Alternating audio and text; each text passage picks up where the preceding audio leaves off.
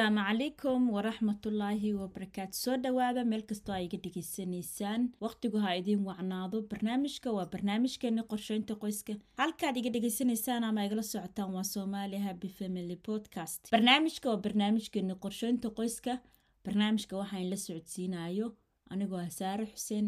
Waxaan soo dhawaada mar labaad. Barnaamijkeena maanta wuxuu ka kooban yahay laba qodob oo xasaasi ah. Qodob waa qodobkii aan ka tegay ee hore oo ahaa qaabka ilmaha calashaan looga qaybgelinayo wadahadalka familka u dhexeeyo ilmaha teen ageka qodobka labaadna wuxuu noqon doonaa haddii ilaaha idmo habdhaqanka wanaagsan ee laga rabo waalidiinta in ay kula dhaqaamaan ilmo kaste. Ma ahan ilmahooda keliya ah waxaa soo gelaya meeshaan ilmo kaste. Ilmo kaste waalidiinta waxaa ka saaran waajib. Marka taasna waa inaan ogsoonaano oon ku baraarugsanaano marka barnaamijkeena maanta labadaas qodob ayuu ka koobnaanaya waxaan ilahay soo dhawaada barnaamijka haddii aan ku bilaabo qodobkeyga koowaad oo ah qodobkii hore aan ka tegay qaabka ilmaha calashaan waalidiinta ay ula sheergarayn karaan ama ooga mid noqon karaan wadahadalada u dhexeeyo aabaha iyo hooyada oo looga hadlayo arrimaha masiiriga oo qoyska. Qaabka calashaan ilmaha waaweyn looga qaybgelinayo kaas ayuu noqonaya haddii la idmo haddii aan wax yar aan u degaandego ama aan dhex galo mowduucan ama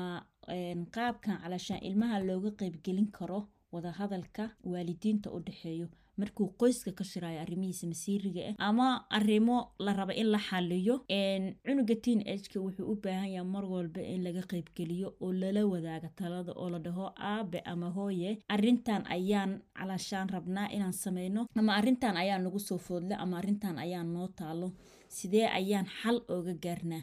Ilmaha teen ageka haddii laga qaybgeliya calashaan wadahadalada u dhexeeya waalidiinta. Calashaan cunuga waxyaalo badan oo mas'uuliyadu dareemaya. Wuxuu dareemayaa marka koowaad inuu yahay qof mas'uul ah oo calashaan waxyaalihii qof mas'uula uu dareemi lahaa calashaan loo dhiibay ama lala wadaagay. Midda labaad wuxuu noqonayaa qof wax walbaale oo wanaagsan ku dhiirado midda saddexaadna wuxuu noqonayaa qof calashaan tixgeliyo waalidkiis wixii uu la wadaagay. Tixgeliyo oo ilaaliyo. Hadday sir tahay hadday tahay arrimo oo lagu yiri arrimahan haddii lacala annaga aan maqannahay haddii aan dhimanno xitaa arrimahan adiga ayaa ka mas'uul ah calashaan adiga ayaa nagu xigo calashaan cunuga wuxuu dareemayaa calashaan waxyaalo wuxuu dareemayaa mas'uuliyad weyn oo wuxuu ogaanayaa inuu waalidiinta asaga ku xigo oo waalidka saddexaad asaga uu yahay. Marka in ilmaha laga qaybgeliyo oo calashaan lala wadaago waxyaalaha masiiriga muhiim ayay tahay. Hadda ka hor barnaamij aan ka soo hadlay aan leeyahay ilmahaada adoo nool ha ku dhaxlo. Dib ayaa u daawan doontaa laakiin barnaamijyo waxaa jiro xiran oo lacag ah haddii lacala oo ku weydiiyo.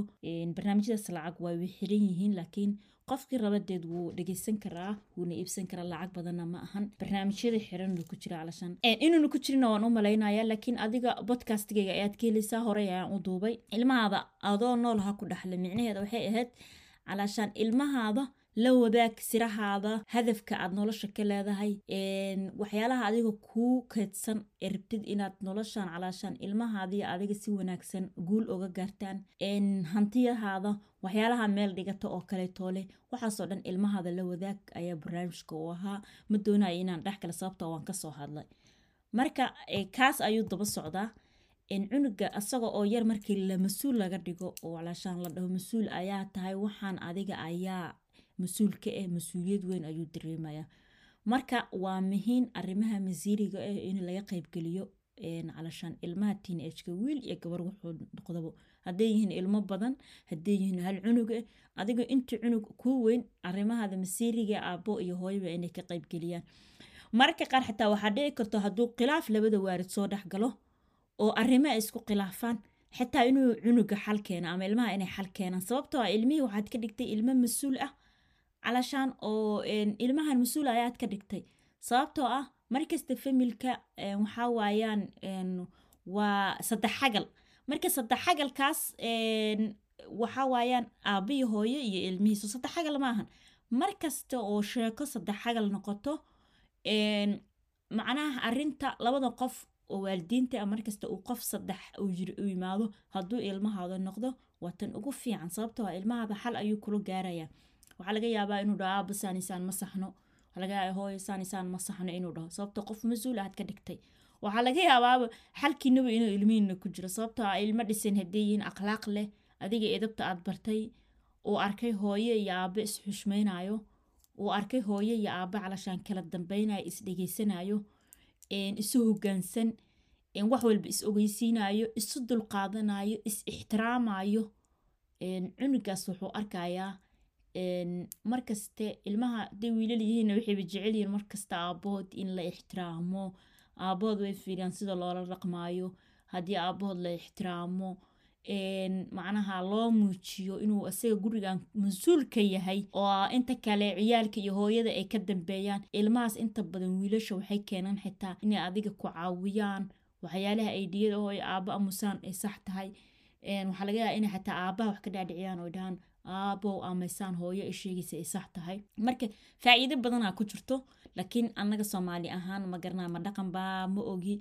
Inta badan way yartahay way jiraan dad ilmahooda wax la dhiilgareeyo ama wax la wadaaga laakiin way yartahay ma badno. Sababta waxaa laleeyahy waa ilme eh baa laleeyahy ilmo ma ahan. Hadda adduunkaana ilmaha jiro waxaad moodaaba caqliga calashaan ayagoo yar inuu soo galo. Marka dambena ood moodo inuu ka sii dhammaanayo ma adduunkiiba isbedelay ma garanayo laakiin waa noqon kartaa bee-ada iyo meesha aan ku noolnahayna waa laga yaabaa inay qeyb weyn ka tahay. Marka barnaamijkeygii ma rabin inuu igu dheeraado laakiin waxaad moodaa inuu sii dheeraanayo oo qodobkii alaashaan aanba ka hadli karinbo qodobkii ahaa habdhaqanka laga raba waalidka ama qofka waalidka noqonayo inuu kula dhaqmo ilmaha kale. Inuu kula dhaqmo qaab noocmee laga raba inuu ilmaha kale kula dhaqmo. Barnaamijkaas wuxuu noqon doonaa haddii ilaaha idmo next barnaamijka ii xigi doona sababtoo ah hadda wuu igu dheeraaday maadaama cashirka igu dheeraadayna ma awooday inaan calaashaan sii wado oo aan ka sii sii raaciyo. Marka waxaan in leeyahay soo dhawaada meel kastoo ayga dhegeysanaysaan waqtiga ha ii wacnaado barnaamijka waa qorsheynta qoyska. Meesha aad kala socotaan ama halkaa iga dhegeysanaysaanna waa somali happy family podcast waan waxaa in la socodsiinaya anigoo ah saare xuseen. Asalaamu calaykum waraxmatullaahi wabarakaatu